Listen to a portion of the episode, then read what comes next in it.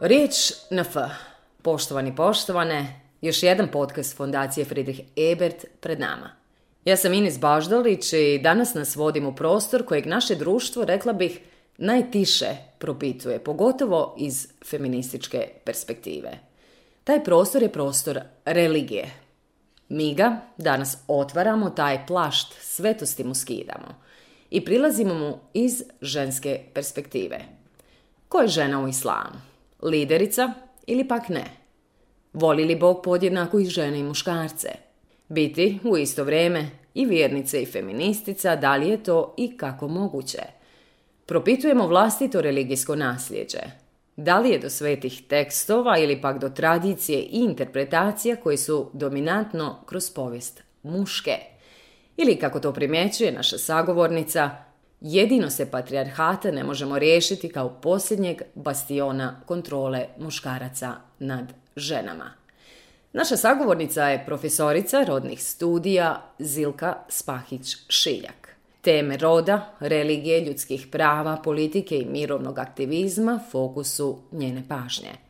Objavila je preko deset knjiga, a u periodu od 2011. do 2019. godine bila je predavačica i istraživačica na američkim univerzitetima Harvard i Stanford. Priča nas povezuje i utopljava.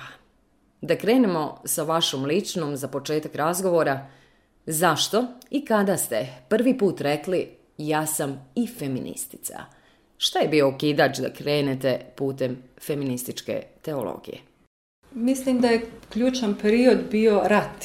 Jer sam ja tada kao mlada studentica bila u situaciji da se priključim jednom timu sjajnih žena okupljenih oko medike Zenica i da pružam psihosocijalnu podršku ženama koje su dolazile tada iz, iz logora, silovane, koje su preživjele različite torture, rodno utemeljeno nasilje i druge oblike nasilja i naprosto sam bila bačena u jednu takvu situaciju, nedovoljno svjesna šta to sve zapravo predstavlja i pokušavala onako ljudski pomoći sa onim resursima koje sam imala na raspolaganju, a šta jedna osoba od 23 godine može imati na raspolaganju? Vrlo malo, jer kad izađete s fakulteta onda nemate praktičnih znanja, imate dosta teorijskog, ali praktična znanja vam nedostaju. Tako je bilo i sa mnom. Ali to iskustvo zapravo s tim ženama, rad s njima i susret sa feministicama sa zapada koje sam upoznala u to vrijeme, koje su bile dovoljno hrabe da dođu u Bosnu i Hercegovinu, pomognu ženama koje su preživjele nasilje i zlostavljanje i naravno nakon toga čitanje literature, otkrivanje novih spoznaja, horizonata i znanja i iskustava su mi onda pokazali da ono što sam ja osjećala dugo i nosila u sebi da imenujem kako treba zapravo sam tada osvijestila u to vrijeme da ja jesam feministkinja i da sam bila feministkinja i ranije, ali da to nisam znala artikulirati na pravi način. Naprosto zato što e, naš obrazovni sistem nije nudio mogućnosti da vi čitate više o tome. Feminizam je ipak živio u elitnim krugovima, na univerzitetima, na teologijama ga uopće nije bilo. Naravno, kao mlada žena ja sam uvijek postavljala pitanja. Meni je bilo važno da pitam, nikad nisam bila zadovoljna školskim odgovorima, uvijek sam tražila više i naravno čim postavljate pitanja e, onda vas prepoznaju kao nekoga ko uzburkava situaciju, ko će biti etiketiran, kao što je to i danas često slučaj da čim postavljate pitanja o diskriminaciji, o nasilju, o bilo kojoj vrsti nepravde koja se događa u društvu, vi ćete dobiti određenu etiketu, u najmanju ruku bit ćete etiketirani kao feministkinja. Međutim, meni je bila važna ta spoznaja i bilo mi je drago da sam konačno otkrila da postoji okvir e, onoga što sam ja osjećala da jesam i da se ja mogu smjestiti tamo.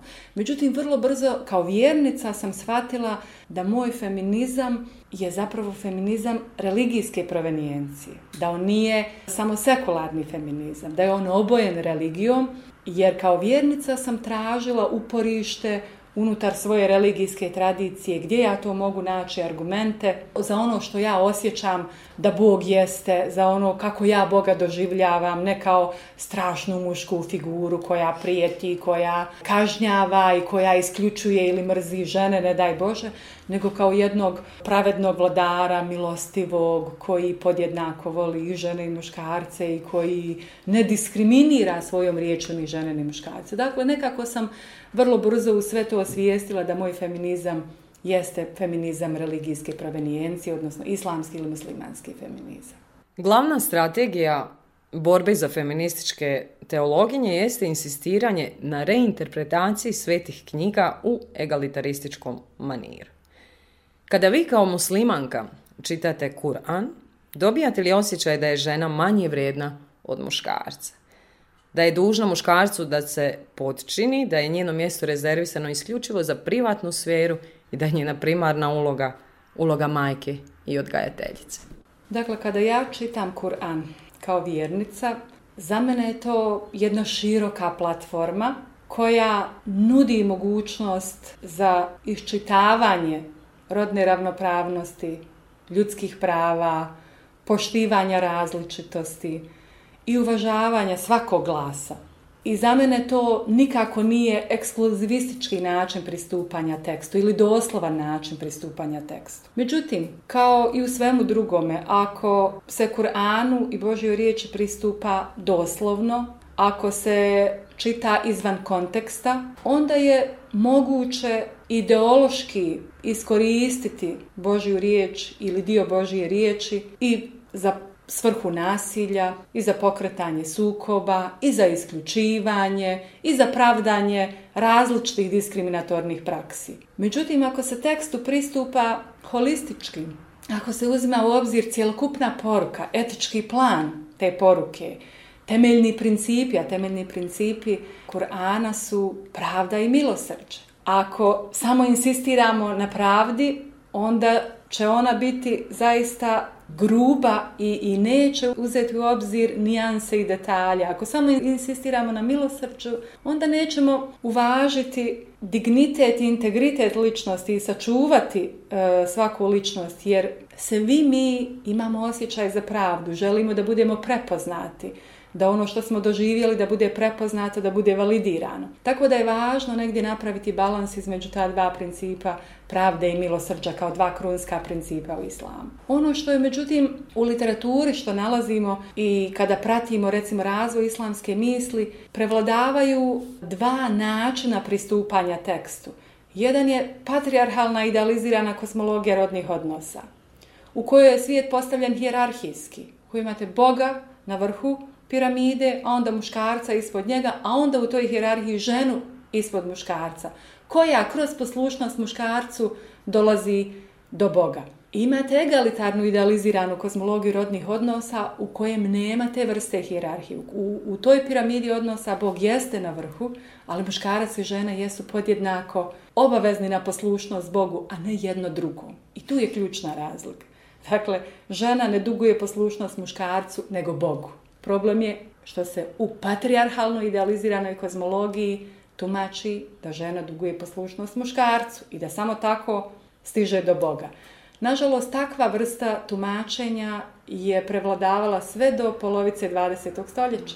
I danas imamo takvih vrsta tumačenja, iako sve više imamo komplementarni. Ne samo u islamu, nego i u svim, da, u svim monoteističkim religijama e, slična je situacija. Kad je patrijarhat u pitanju, kad je rodna politika u pitanju, tu je situacija vrlo slična, nema tu nekih velikih razlika.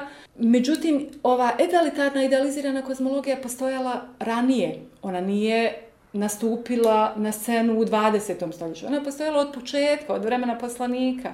I takvi glasovi su postojali, ali nisu bili dovoljno glasni i moćni da prevladaju. Šta je prevladalo? Tribalistička, plemenska kultura koja je u vrijeme 7. stoljeća imala ropstvo, segregirano društvo i dakle poruka islama neminovno je uronjena u kulturu i ambijent toga društva tako da je vrlo važno dakle kako pristupamo tekstu. Ako pristupamo sa naočalama koje imaju patriarhalnu idealiziranu viziju rodnih odnosa, onda ćemo tekst tumačiti tako i uzimat ćemo pojedine dijelove teksta i na osnovu toga zaključiti da žena duguje poslušnost mužu, da je žena manje vrijedna, da je ona slabašna, da ona ne treba da bude na određenim pozicijama, da je njeno mjesto u kući da bude majka i tako dalje. Ako pak pristupamo tekstu univerzalistički, e, inkluzivistički i ako se držimo etičkog plana Kur'ana, pravde i milosrđa, onda je teško opravdati diskriminaciju, seksizam, mizoginiju, isključenje, jer Bog nije diskriminatoran i Bog ne diskriminira, već muškarci, odnosno oni koji su u poziciji moći. I to je ključna razlika. Spomenuli ste, već brzi smo u doslovnom tumačenju, koliko je meni poznato i danas je to mali broj učenjaka islamskih teologa koji insistiraju na ičtihadu, permanentnoj interpretaciji kuranskog teksta, uvažavajući njegovu cjelovitost, kontekst u kojem je objava došla, ali i savremeni trenutak. Ipak kako da čitamo suru Enisa koja kaže A one čiji se neposlušnosti pribojavate, vi posavjetujte, a onda se od njih u postelji rastavite, pa ih i udarite, a kada vam postanu poslušne, onda im zulum ne činite. To vam je to očit primjer jednog dijela teksta božanske poruke koji se može, ako se uzma samo tako, ako uzmete samo taj dio, onda ga možete tumačiti ekskluzivistički i hijerarhijski. Dakle, ženu postaviti u poziciju one koja je dužna da bude poslušna muškarcu, a ako ne bude poslušna, onda će biti disciplinirana na tri različita načina. Ovdje, ako se holistički pristupa ovom tekstu, kao što su neki autori i autorice to i uradili mnogo ranije, i danas to čine, ako se uzme u obzir tekst, način na koji je poruka intonirana, da se ova poslušnost ne odnosi na poslušnost muškarcu nego Bogu, Drugo, da ovaj način discipliniranja, odnosno odnosa žene i muškarca unutar porodice, ne može uključivati nasilje jer nasiljem se ništa ne postiže i ako se gleda jezički recimo termin darebe koji je korišten u ovom tekstu se na drugim mjestima u istoj knjizi u Kur'anu koristi u sasvim drugim značenjima kao navesti primjer, udaljiti se i tako dalje. Zašto ne bi recimo na ovom mjestu i odlično bi se uklapalo da se prevede da je zadnja mjera da se ljudi udalje. To psihološki svakako je najispravnije. Kad dođe do ljutnje, do nesporazuma, onda je najbolje da se osobe udalje, da se ohlade emocije, da se onda nakon toga pristupi razrješavanju problema koje imaju. Međutim, ako ovom i bilo kojem drugom tekstu pristupate tako da ga istrgnete izvan konteksta cjelokupne poruke Kur'ana, onda vi možete reći, e, muškarac ima pravo da fizički disciplinira ženu i ona je obavezna njemu na poslušnost. To je u direktnoj koliziji sa etičkim planom Kur'ana, sa pravdom i milosrđem. Jer to ne može nikako jedno s drugim ići. ako je to krunski princip Islama, kako onda pravdati ovakva tumačenja. To naprosto nije moguće.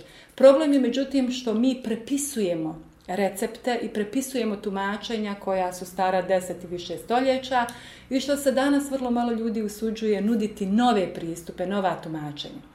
Ako kažemo da je islam avangarda i da je donio avangardnu poruku i rješenja za sedmo stoljeću u jednom tribalističkom društvu i da je univerzalan do kraja svijeta, onda ta poruka treba da bude avangardna i danas u 21. stoljeću, ali ne može biti avangardna na isti način kakva je bila u sedmom. Ona mora biti avangardna danas, da meni i vama govori, da bude djelatna, da, da pokazuje put i da ne reducira božansku univerzalnu poruku na partikularno, na nešto što je možda bilo prihvatljivo u određenom kulturološkom ambijentu prije 10, 15, 14 stoljeća, ali danas ne može nikako biti jer smo civilizacijski i kulturološki napredovali i neke stvari razriješili. Niko normalan danas recimo neće reći da je ropstvo prihvatljivo, jel tako? Ali ono se nalazi u Kur'anu kao što se nalazi i u Bibliji.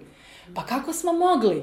abolirati sve te prakse od ropstva, ratnih zarobljenica, konkubina i drugih e, stvari koje, koje, tekst sadrži, kako smo mogli izaći iz svega toga, jedino se patrijarhata ne možemo riješiti. To je pitanje za sve nas. Kako je moguće da nam jedino to opstaje kao zadnji bastion kontrole muškaraca nad ženama?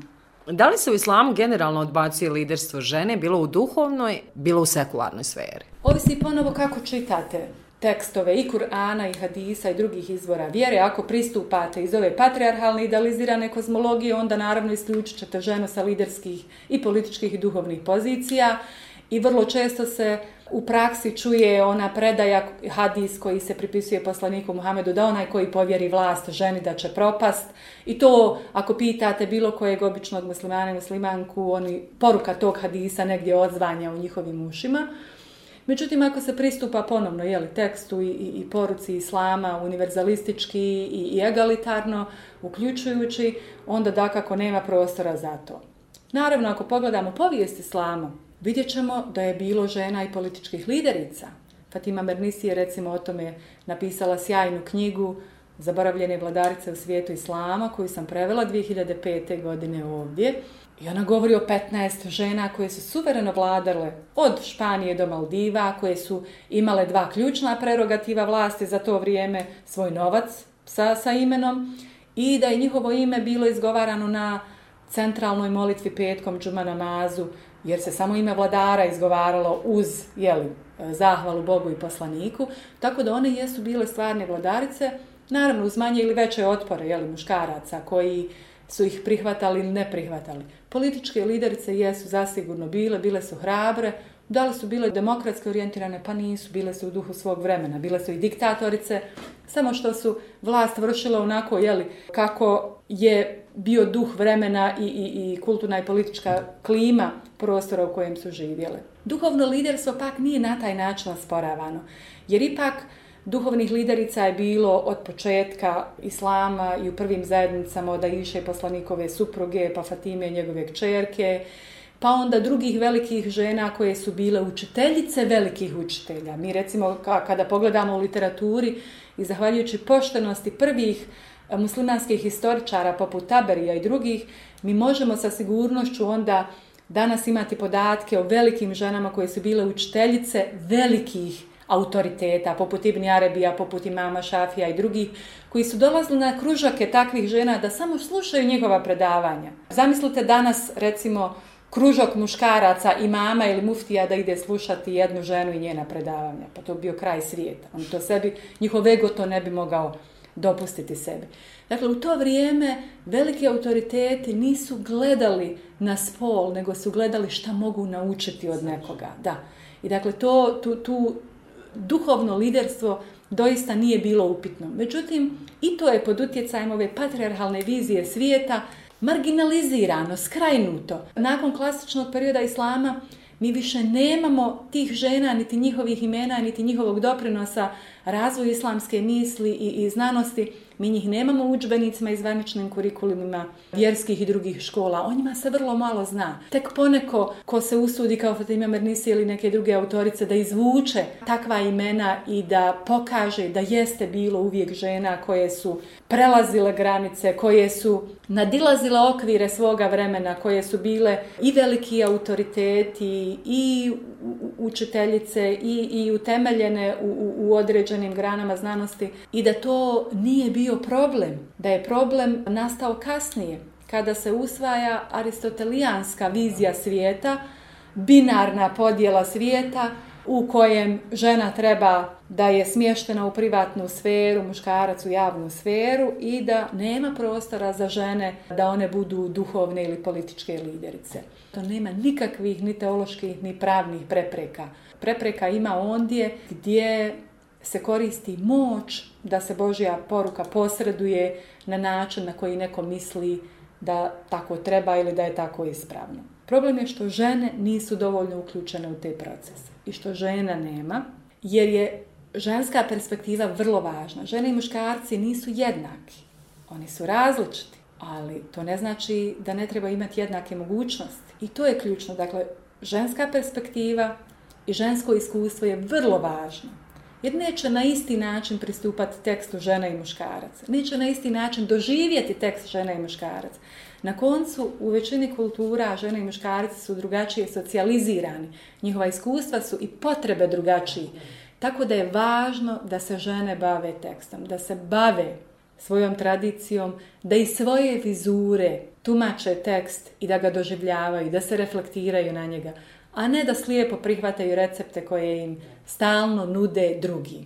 E tu je sada do žena i do lične odgovornosti svakog od nas, koliko ćemo zaista biti odgovorni i vjernici i vjernice i građani i građanki koliko ćemo se istinski reflektirati na sve ono u šta jeli vjerujemo, šta su nam principi i vrijednosti koje slijedimo, a koliko ćemo samo slijepo prihvatati određene obrazce ponašanja i recepte koje nam drugi nameću. Većina ljudi u principu ide linijom manjeg otpora i prihvaća ono što neko drugi ponudi za njih. I to nije samo slučaj sa religijom, to je općenito situacija u, u društvu i, politici.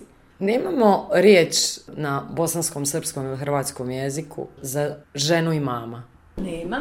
Dakle, to je arapska riječ i nema ženskog roda za tu riječ. Tako da se može kreirati neka nova, ali i ne mora u principu jer imamo i naš jezik nije dovoljno bogat kao neki drugi jezici pa da možemo ponuditi ženski rod ali nemamo recimo isto tako muški rod za riječ halifa, ali je muškarac uvijek halifa. A riječ halifa u arapskom jeziku je ženskog roda. Zašto je onda muškarac uvijek halifa? Po toj logici, ako je riječ imam muškog roda, zbog čega žena ne bi mogla biti imam. Ona u principu u islamskoj tradiciji može biti imam i nema tu nikakvih teološko-pravnih prepreka. Može biti imam ženama, tu nema nikakva sporenja. Čak može biti i muškarcima, recimo najstrožiji autoriteti, poput Ibn Tejmije, recimo jednog velikog učitelja kog e, kao argument često koriste oni koji imaju rigidnije pristupe jeli, tumačenju islama je smatrao da ako postoji potreba žena može biti imam mješovitoj grupi i žena i muškaraca, samo da ne stoji ispred jer problem je distrakcija, odnosno da se muškarci ne bi uznemiravali. Ali ako vam je argument jedino uznemiravanje muškaraca, onda treba poraditi na tome zbog čega žensko prisustvo uznemiruje muškarce. Šta je to s njima pa ih žena uznemiruje? Dakle, nije problem u ženi, nego je problem u muškarcima kojima treba sklonuti ženu iz, iz vidokruga da bi oni mogli rahat vjerovati, rahat prakticirati vjeru. Koji je utjecaj religije na žene i njihov status u javnom životu i politici? Nelako pitanje, rijetki ili rijetki su mu prišli, no vi ste se posvetili e, upravo njemu kroz vašu doktorsku disertaciju koja je ukoričena i u naslov knjige Žene, religija i politika. Analiza utjecaja interpretativnog religijskog nasljeđa, judaizma, kršćanstva i islama na angažman žena u javnom životu u Bosni i Hercegovini.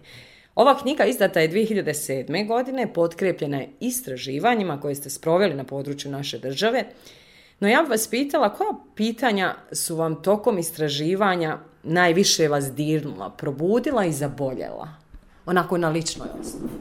Moje doktorsko istraživanje je u principu bilo pionirsko.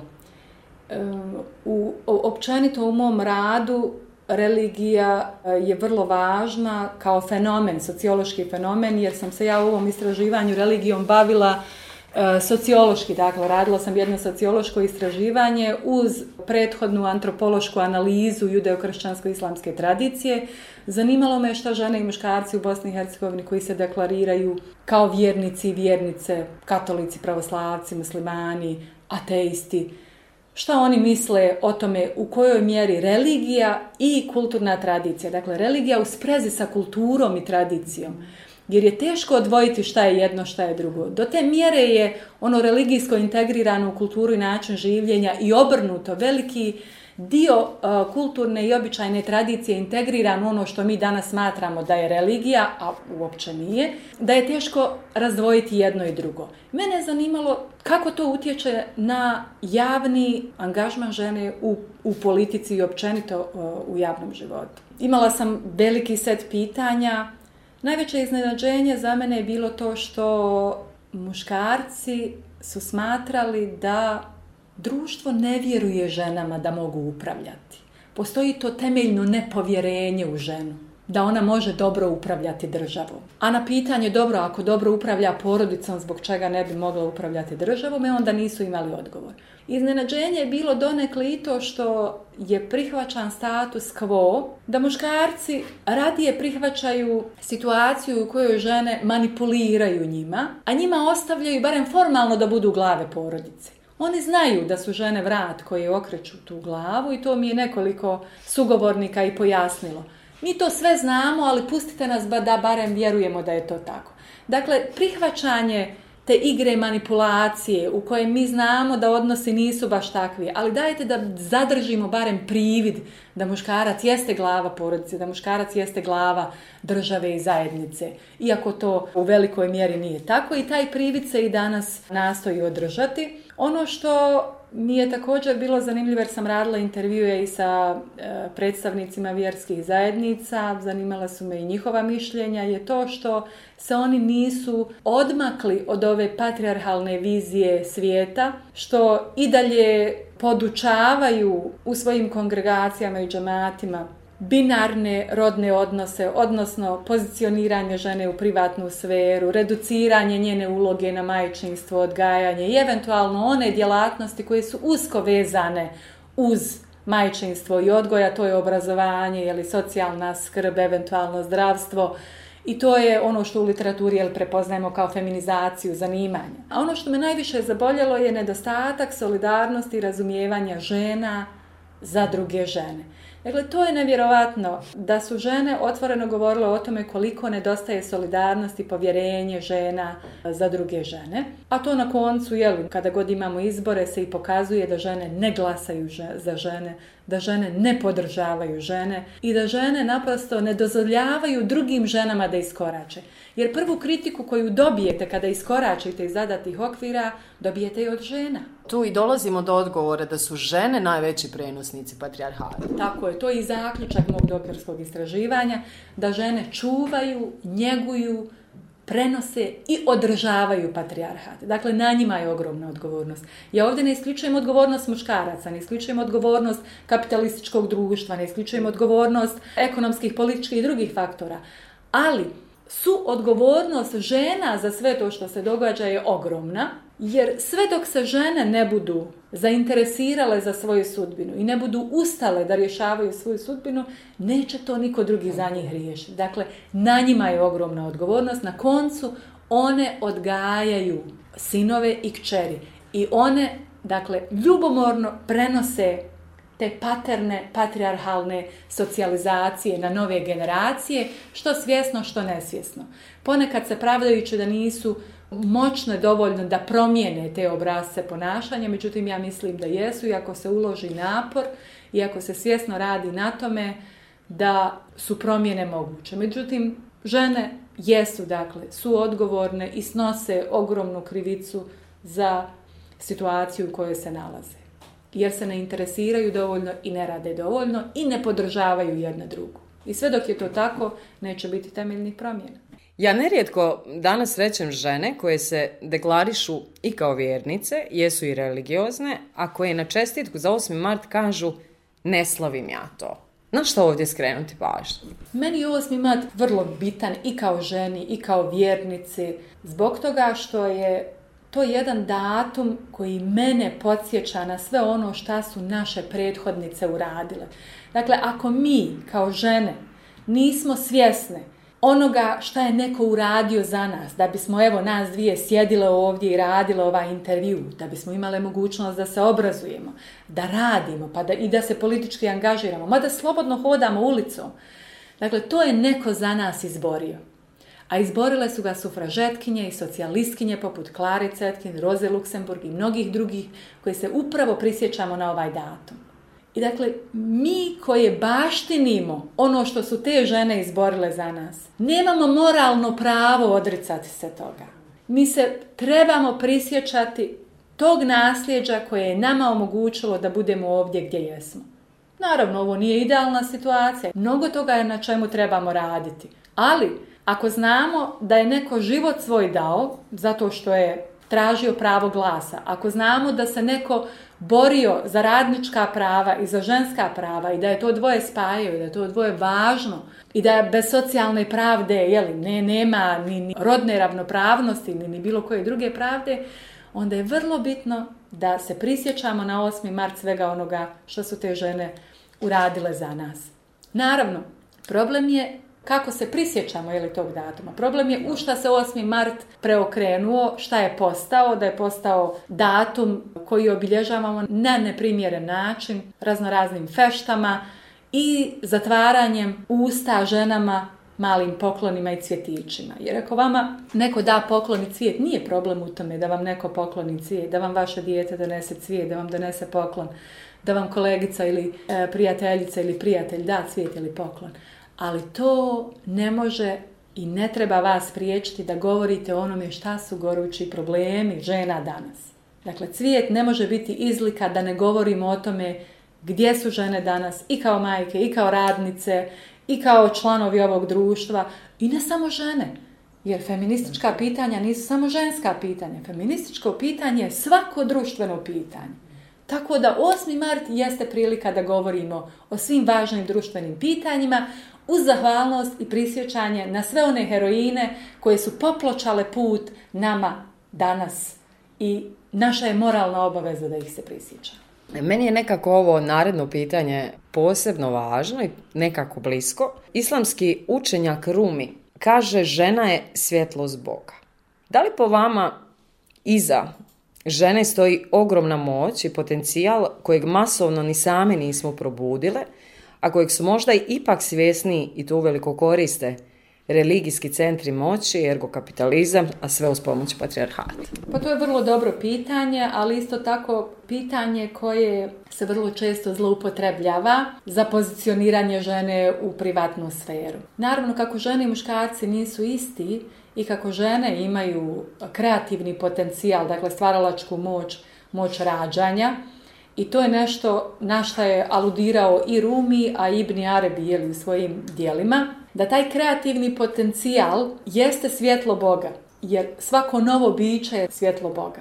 Međutim, pitanje je kako svaka žena pristupa sebi i kako pristupa tom kreativnom potencijalu. Da li ga doživljava onako kako određena ideologija nameće ili da li pristaje da određene ideologije koriste taj kreativni potencijal za nacionalističke, fašističke ili neke druge svrhe, ili e, se pak reflektira na taj kreativni potencijal e, na način da ga doživljava kao jedan duhovni prostor samorealizacija, ali isto tako e, realizacije i mogućnosti promjene čovječanstva. Jer ako vi sudjelujete u kreativnoj moći koju vam je Bog dao, kao vjernica vjerujete u to, onda nosite i ogroman dio odgovornosti kako ćete tu kreativnu moć iznijeti, iznjedriti u svijetu. Hoćete li pristati na to da je neko mobilizira za određene potrebe ili ćete se potruditi da ta svjetlost Božija zasija onako kako bi trebala sijati ili će biti zatamnjena slojevima različitih ideoloških nameta kojih ponekad jesmo svjesni, ponekad nismo, ponekad pristajemo na njih svojevoljno, ponekad ne. Ali da bi to žena bila u stanju posvijestiti koliko je moćan taj kreativni potencijal, ona mora raditi na sebi, mora se obrazovati, treba istraživati da bi bila onda u stanju da na pravi način koristi taj potencijal. Dakle, u tom smislu bih ja razumijevala ovu Rumijevu poruku. Nismo pomenuli poligamiju u islamu, nekako smo se kroz cijelu priču dotakli suštine sami, ali zašto je to tako? I šta za vas to pitanje jeste? Za mene je poligamija jedno od pitanja koje se koristi u ovoj patriarhalnoj kozmologiji rodnih odnosa, istrgnuto izvan konteksta, istrgnuto izvan cjelokupne poruke. Ako pogledamo zašto je poligamija bilo dozvoljena, zašto je ostavljena kao mogućnost da se zbrinu sirotice, da se zbrinu žene koje su ostajale kao udovice jer je puno ljudi ginulo u ratovima, da se zbrinu one koje nisu imale drugi način i drugu mogućnost da budu zbrinute. Ako mi pokušamo sad iz vizure 21. stoljeća procjenjivati nešto što je bilo u 7. stoljeću, bit ćemo nepravedni. Žene u to vrijeme nisu imale institucije, ustanove, centre za socijalni rad, nisu imale drugu mogućnost. Jedini način da prežive bio je brak. A ako pogine ogroman broj muškaraca, onda jedina mogućnost je li ostajala je ženama sa djecom da izbrine neko drugi. I to je ostavljeno kao mogućnost da se donekle ostvari je socijalni balans, odnosno da se pomogne tim najranjivijim kategorijama. U šta se to pretvorilo tokom povijesti? E to je sad druga priča. Dakle, kad vi imate moć i onda sebi uzmete za pravo da umjesto zbrinjavanja žena koje su u stanju socijalne potrebe i djece, vi onda to pretvorite jeli, u hareme i u iživljavanja različitih vrsta. To je sad drugo pitanje. Po meni to za naš kontekst uopće nije pitanje. Mi imamo puno važnijih stvari koje trebamo rješavati. O, o poligamiji ja samo mogu reći da, da je nešto što ja smatram da ne može biti dio sveukupnog etičkog plana Kur'ana, jer na koncu e, većina žena ako nije u stanju potrebe da je neko zbrine, neće pristati na, na tu vrstu aranžmana. Međutim, ako s druge strane pogledamo licemjeran odnos onoga što se događa danas na zapadu, da imate ogroman broj izvanbračnih veza i tako dalje, onda se postavi pitanje je li, je li bolje nešto što se događa onda legalizirati da to bude javno ili da se to događa u, u tajnost. Moj stav je u principu da sam protiv poligamije jer tu se uvijek krije e, zloupotreba, ali ne bih da sudim bilo kome i ne bih da bilo kome e, ovaj, e, zakonski nešto zabranjujem, zato što je svaka situacija posebna. Uvijek se prisjetim jedne udovice iz Bosne i Hercegovine koju sam postavila pitanje. Ostala je kao mlada udovica sa dvoje djece u ratu, muž je poginuo. I onda sam je pitala što ona misli o tome. Onda mi je ovako rekla i to ću pamtiti dok sam živa.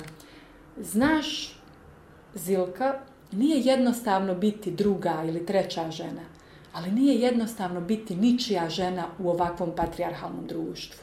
I o tome često razmišljam. U jednom društvu u kojem žena koja nema iza sebe muškarca je onda uvjetno kazano na raspolaganju, odnosno svi imaju pravo ili da se bave njom i da je prosuđuju, osuđuju i tako dalje, iskorištavaju, zlorade onda se zamislite kako je to i u takvim situacijama to je onda pravo svake žene. Međutim, zbog silnih zloupotreba koje se događaju i gledamo to po svijetu, da se onda kroz poligamiju pravda dva sa maloljetnim osobama, djevojčicama i tako dalje. Moj stav je, kad bi se glasalo o tome u ovoj zemlji, moj stav je da sam protiv poligamije i da to nikakvo dobro ženama ne donosi. Treba da radimo na tome da imamo institucije, da imamo sistem koji će omogućiti svakoj osobi, ostala ona bez muža ili ne, da može imati ona egzistencijalni minimum i da ne bude primorana na takve aranžmane. Posljednje pitanje ne može nam pobjeći ili mi njoj e, stvarnost korona virusa. Kako je vi doživljavate i da li mislite možda da, da je na globalnoj sceni u pitanju promjena paradigme svijeta neka? Nisam o tome na taj način razmišljala, ali mislim da svijet više neće biti isti kao prije ove pandemije. Mnoge stvari će se temeljito promijeniti, iako smo mi duboko ušli u cyber svijet, svijet suvremenih tehnologija, mislim da, da je ova pandemija donijela nešto novo. Prije svega gledajući ljude oko sebe, e, vidjela sam da je za jedan broj recimo ljudi ovo bio period kojem su mogli da imaju malo vremena za sebe, za svoju porodicu, samorefleksiju, preispitivanje, duhovno zrijenje i tako dalje. Za jedan broj ljudi je ovo opet bio veliki ispit jer se po prvi put suočili s tim kako im izgleda brak, kako im izgleda porodica, kako do tada nisu mnogo komunicirali, onda su neke stvari počeli komunicirati i vidjeli da mnogo toga neštima. Ako iz vjerničke vizure to gledamo, jedan broj ljudi je u ovoj pandemiji našao utočište, spas. Dakle, odmak, refleksija da ovaj materijalni svijet stvarno ništa ne znači, da ne znači mnogo, da su neke druge vrijednosti važnije.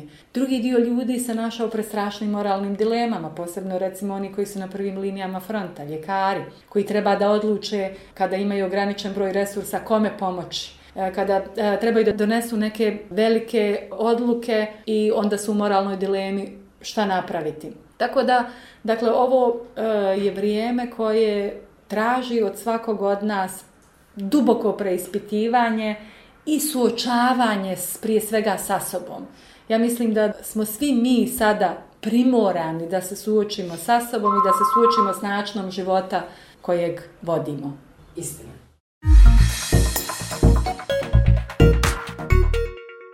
Do narednog izdanja podcasta Riječ na F, toplo vas pozdravljamo. Brojna pitanja još smo ostali dužni otvoriti, kada je u pitanju kruto polje religije i njeno propitivanje.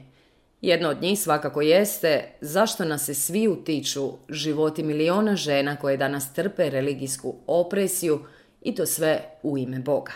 Od djevojčica koje se i dalje obrezuju ili žena koje kamenujemo do smrti.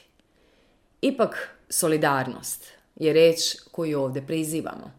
Ili kako nam je ovaj put sugerisala naša sagovornica Zilka Spahić Šiljak – Kreativni potencijal žene je ogroman. Još da svako jutro iznova krećemo sa buđenjem. Do slušanja. Do slušanja. Do slušanja.